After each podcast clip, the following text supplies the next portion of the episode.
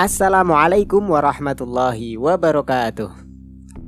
Halo pendengar, kembali lagi di Idealif Podcast, membahas pendapat dan pendapatan, kajian dan gajian, ide, ideal, idealis, idealif podcast. Mungkin kalian ada yang bertanya-tanya, kenapa sih harus dikasih kata-kata membahas pendapat dan pendapatan? Kajian dan gajian gitu. Oke, jadi gini ya. Pendapat dan pendapatannya maksud saya kalau pendapat ini kan sesuatu yang sifatnya abstrak, sesuatu yang sifatnya uh, ide, ya kan? Idea, idealis, ya kan? Sedangkan pendapatan itu kan sesuatu yang nyata. Ya bentuknya nyata. Dan dia biasanya lebih realistis. Ya kan? Demikian juga kajian dan kajian kajian itu lebih ke teoris teoritis maaf. Sedangkan kajian itu lebih praktis. Kayak ya realistis gitu kan? Jadi maksudnya itu sebenarnya bukan bukan artinya saya mau membahas gajian atau pendapatan seseorang atau pendapatan saya itu enggak sih. Itu hanya mewakili saja. Bahwa dalam podcast ini saya ingin menawa, menam, menampilkan atau menceritakan kepada kalian semua tentang ya likaliku seluk beluk pemikiran dari yang sifatnya idealis sampai realistis ya pokoknya gitulah. Ya semoga kalian bisa uh, ngerti. Baik hari ini adalah hari Ahad atau hari Minggu? Weekend nih. Cuman sayangnya udah sore banget. Ketika saya merekam ini ini adalah jam setengah lima kurang 8 menit. Tanggalnya 28 Maret 2021 bertepatan dengan 14 Sya'ban 1442 Hijriah.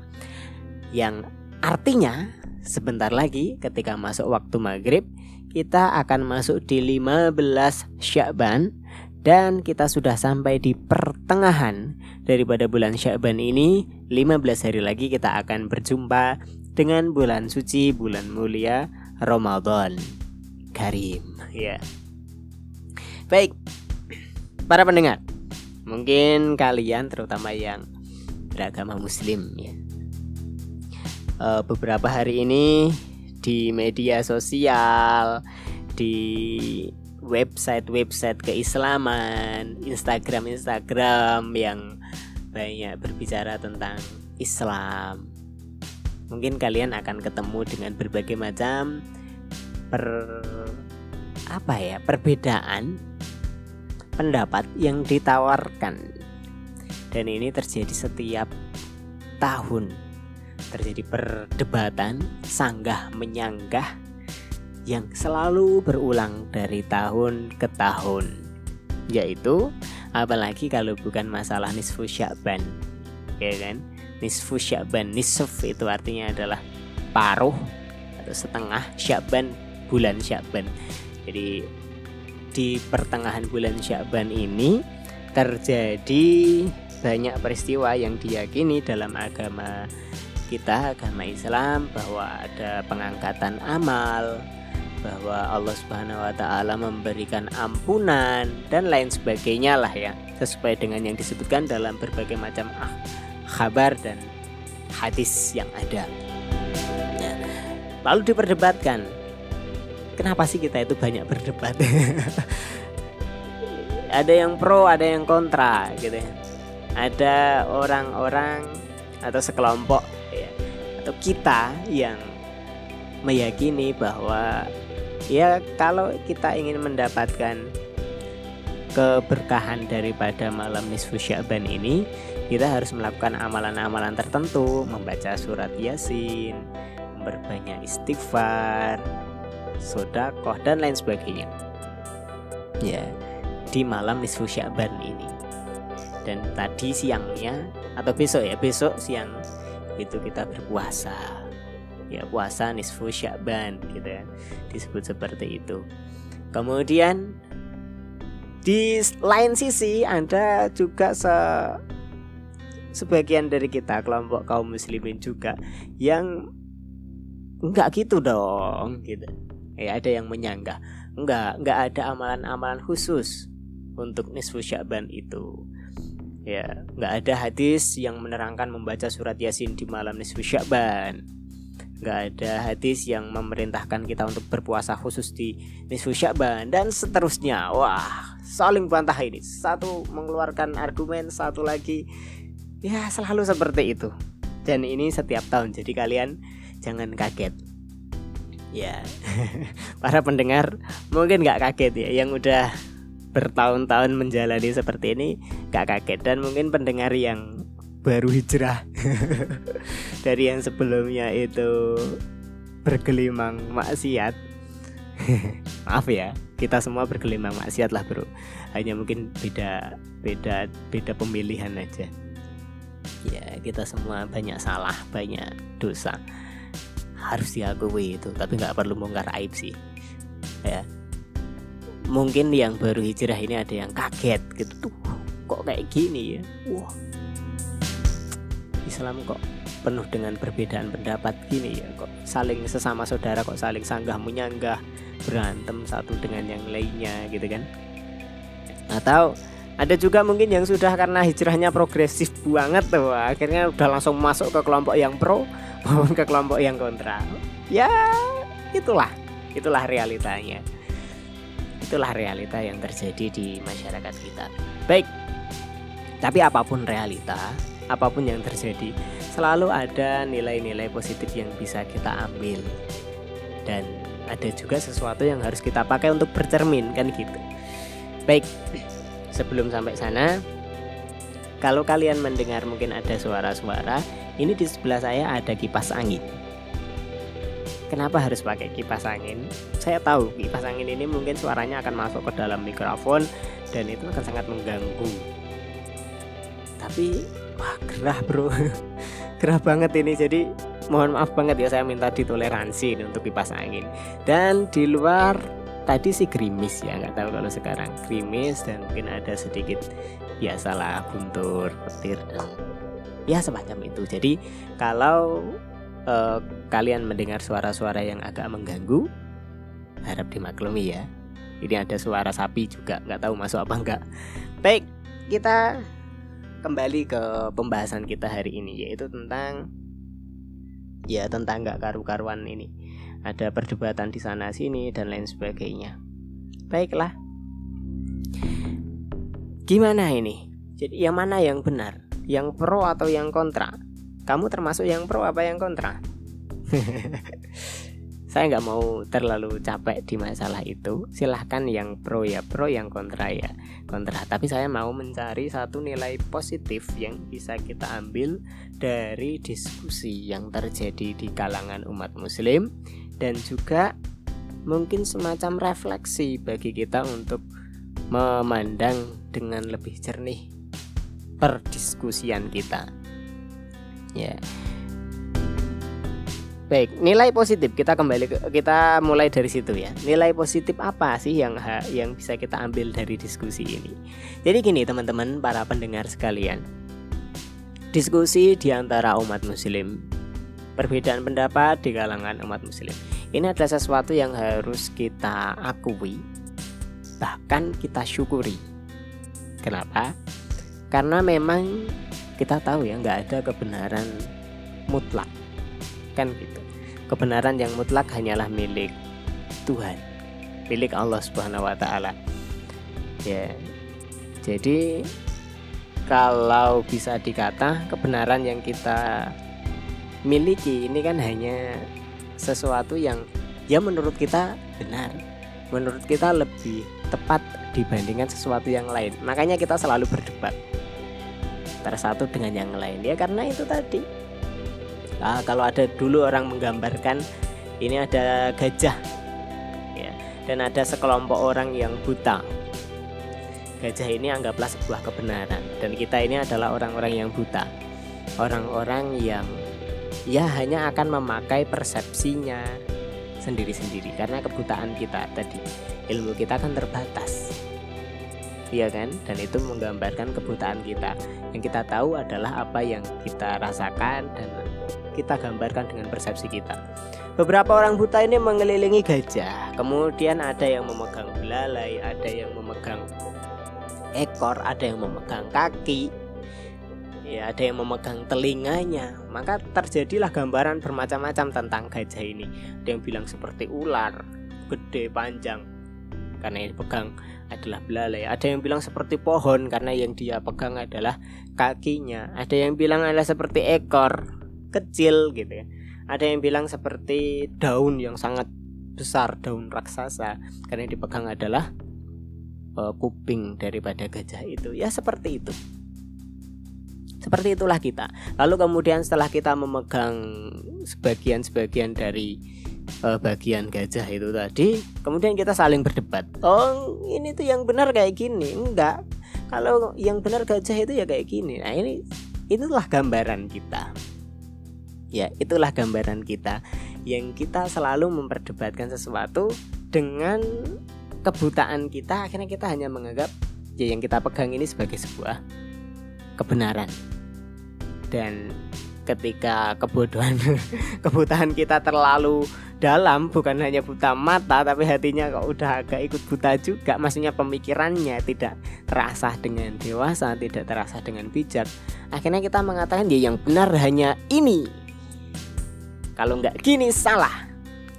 Padahal nggak bisa seperti itu. Kita manusia sangat terbatas. Ya kan? Jadi gitu itu yang terjadi. Itu yang terjadi menurut saya. Kalau ada yang nggak setuju biasalah. Tinggal DM saya. Baik. Nah diskusi debat sanggah menyanggah antara satu kelompok dengan kelompok yang lainnya seseorang dengan yang lainnya. Apakah ini seperti apa ular ataukah seperti pohon ataukah seperti daun raksasa? Itu nggak jadi masalah. Kenapa karena diskusi itu adalah pintu yang harus terbuka bagi seseorang untuk bisa mengetahui sesuatu dengan lebih jernih. Bahkan bisa jadi lebih lengkap. Ya kan? Kalau kita tidak melalui pintu ini tidak mau membuka pintu ini maka yang ada adalah kita nggak akan tahu sesuatu dan kita akan bebal bahwa kita merasa paling benar Jadilah kita adalah seekor katak dalam tempurung. Yang kita tahu hanyalah tempurung itu saja. Seolah-olah dunia hanya tempurung itu. Padahal di luar tempurung itu dunia sangat luas. Dan tidak segelap tempurung yang ada yang menutupi diri kita itu.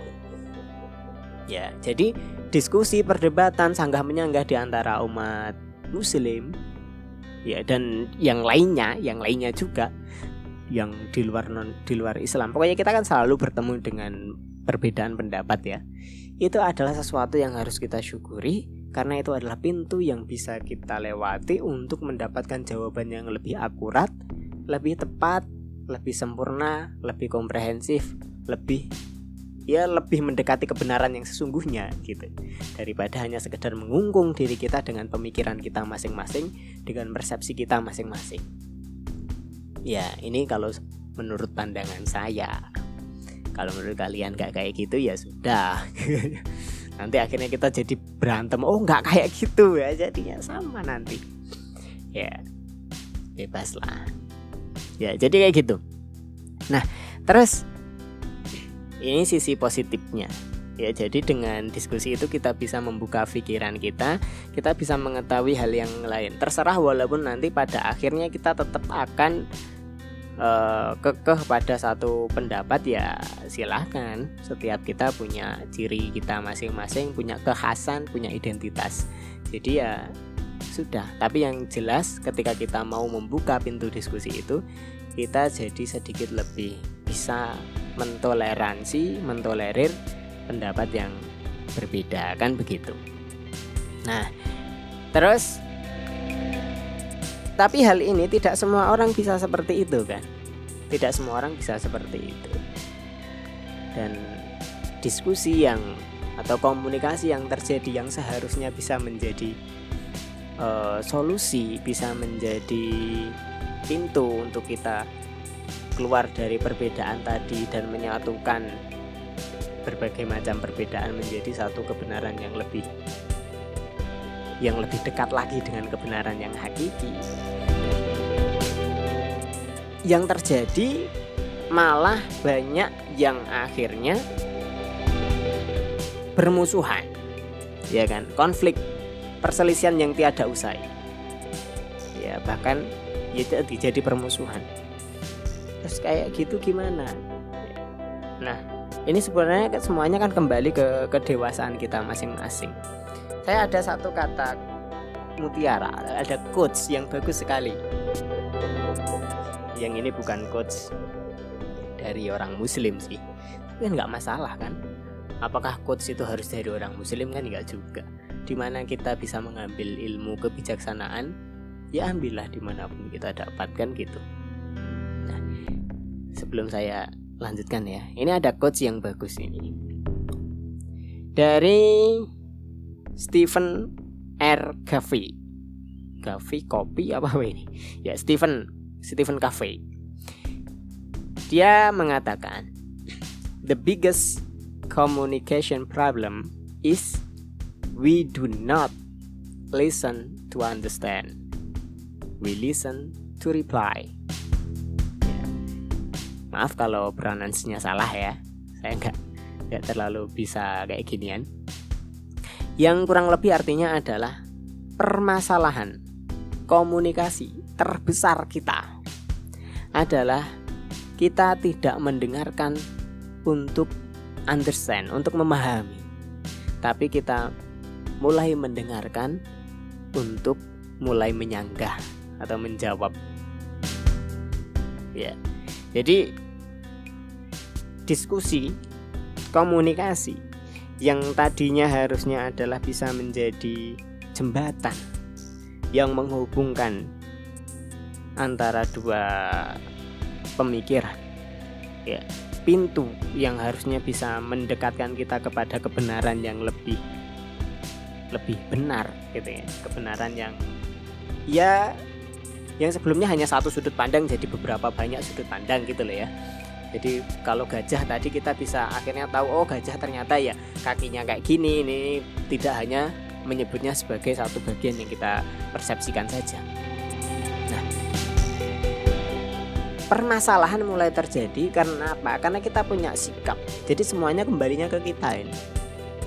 Ketika kita mendengar teman kita, ketika kita mendengar uh, saudara kita yang berbeda pendapat dengan kita, Apakah kita mendengar untuk memahami apa yang dia sampaikan atau kita mendengar hanya untuk punya apa namanya senjata untuk membalas dia? Ya, dan ini adalah permasalahan besar yang harus kita jawab. Dan cara menjawabnya adalah kembali ke diri kita. Kenapa kita tidak gunakan telinga kita ini sebagai benar-benar kodratnya dari Tuhan, dari Allah bahwa telinga ini adalah untuk kamu mendapatkan informasi, untuk kamu bisa mencerna dengan baik. Bukan alat untuk mempersiapkan e, bantahan dan bantahan berikutnya. Ya. Jadi kenapa diskusi itu bisa jadi permasalahan? Kenapa komunikasi bisa jadi permasalahan? Ya karena kita mulai salah dalam menggunakan telinga kita. Ya, kita nggak mau tahu dengan pendapat orang. Kita nggak mau tahu dengan persepsi pemikiran orang lain. Ya. Sehingga setiap kali ada orang yang mengajak kita keluar dari tempurung, kita malah mengatakan, "Wah, kamu ini salah. Yang benar adalah tempurung saya ini."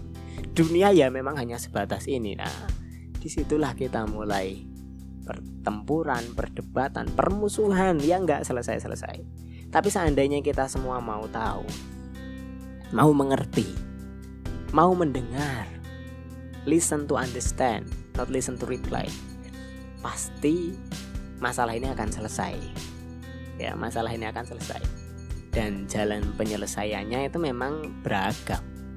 Bisa jadi jalan penyelesaiannya adalah kita sependapat dengan satu hal ya. Jadi yang sebelumnya ini beda pendapat beda pendapat. Beda pendapat terus setelah dibicarakan dengan baik-baik semuanya saling mendengarkan dan semuanya saling memberikan e, persepsinya akhirnya bisa dirumuskan satu hal yang disepakati.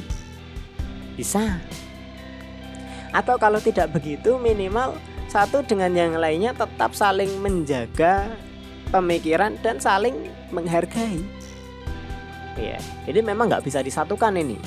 Ini adalah sesuatu yang nggak bisa disatukan. Oke. Okay. tapi bisa saling menghargai. Ya kamu seperti itu ya saya seperti ini. Kita saling baik-baik ya. Kan gitu. Nah ini ya maaf ya tadi ada motor lewat jadi saya pause sebentar. Jadi ini yang seharusnya sih bisa jadi jalan jalan tengah bagi kita semuanya. Diskusi lah diskusi silahkan diskusi. Kita buka pintu diskusi selebar-lebarnya. Jangan mengungkung diri kita dengan persepsi kita dengan seolah-olah kita yang paling benar. Enggak mari kita buka pintu itu dan kita mulai gunakan telinga kita sesuai dengan kodratnya yaitu untuk mendengar. Ya untuk mendengar bukan untuk uh, membantah ya bukan untuk mempersiapkan bantahan dan bantahan. Oh yes. Uh, sebagai penutupnya ada quotes yang bagus sih sebenarnya tentang masalah diskusi. Saya ada teman nggak tahu dia dapat quotes ini dari siapa tapi saya sangat terinspirasi sekali dengan kata-kata ini. Yaitu ya mungkin kalau kalian tahu ya nanti tolong saya dikasih tahu ini kata-kata ini berasal dari siapa. Uh, lawan dalam berdebat adalah kawan dalam berpikir ya bagus kan ya jadi ketika kita diskusi kita memandang orang yang kontra dengan kita itu adalah lawan dalam berdebat tapi hakikatnya dia adalah teman kita kawan kita dalam berpikir. Dia berpikir, kita berpikir. Sama-sama berusaha mencari kebenaran. Bagus ya quotesnya.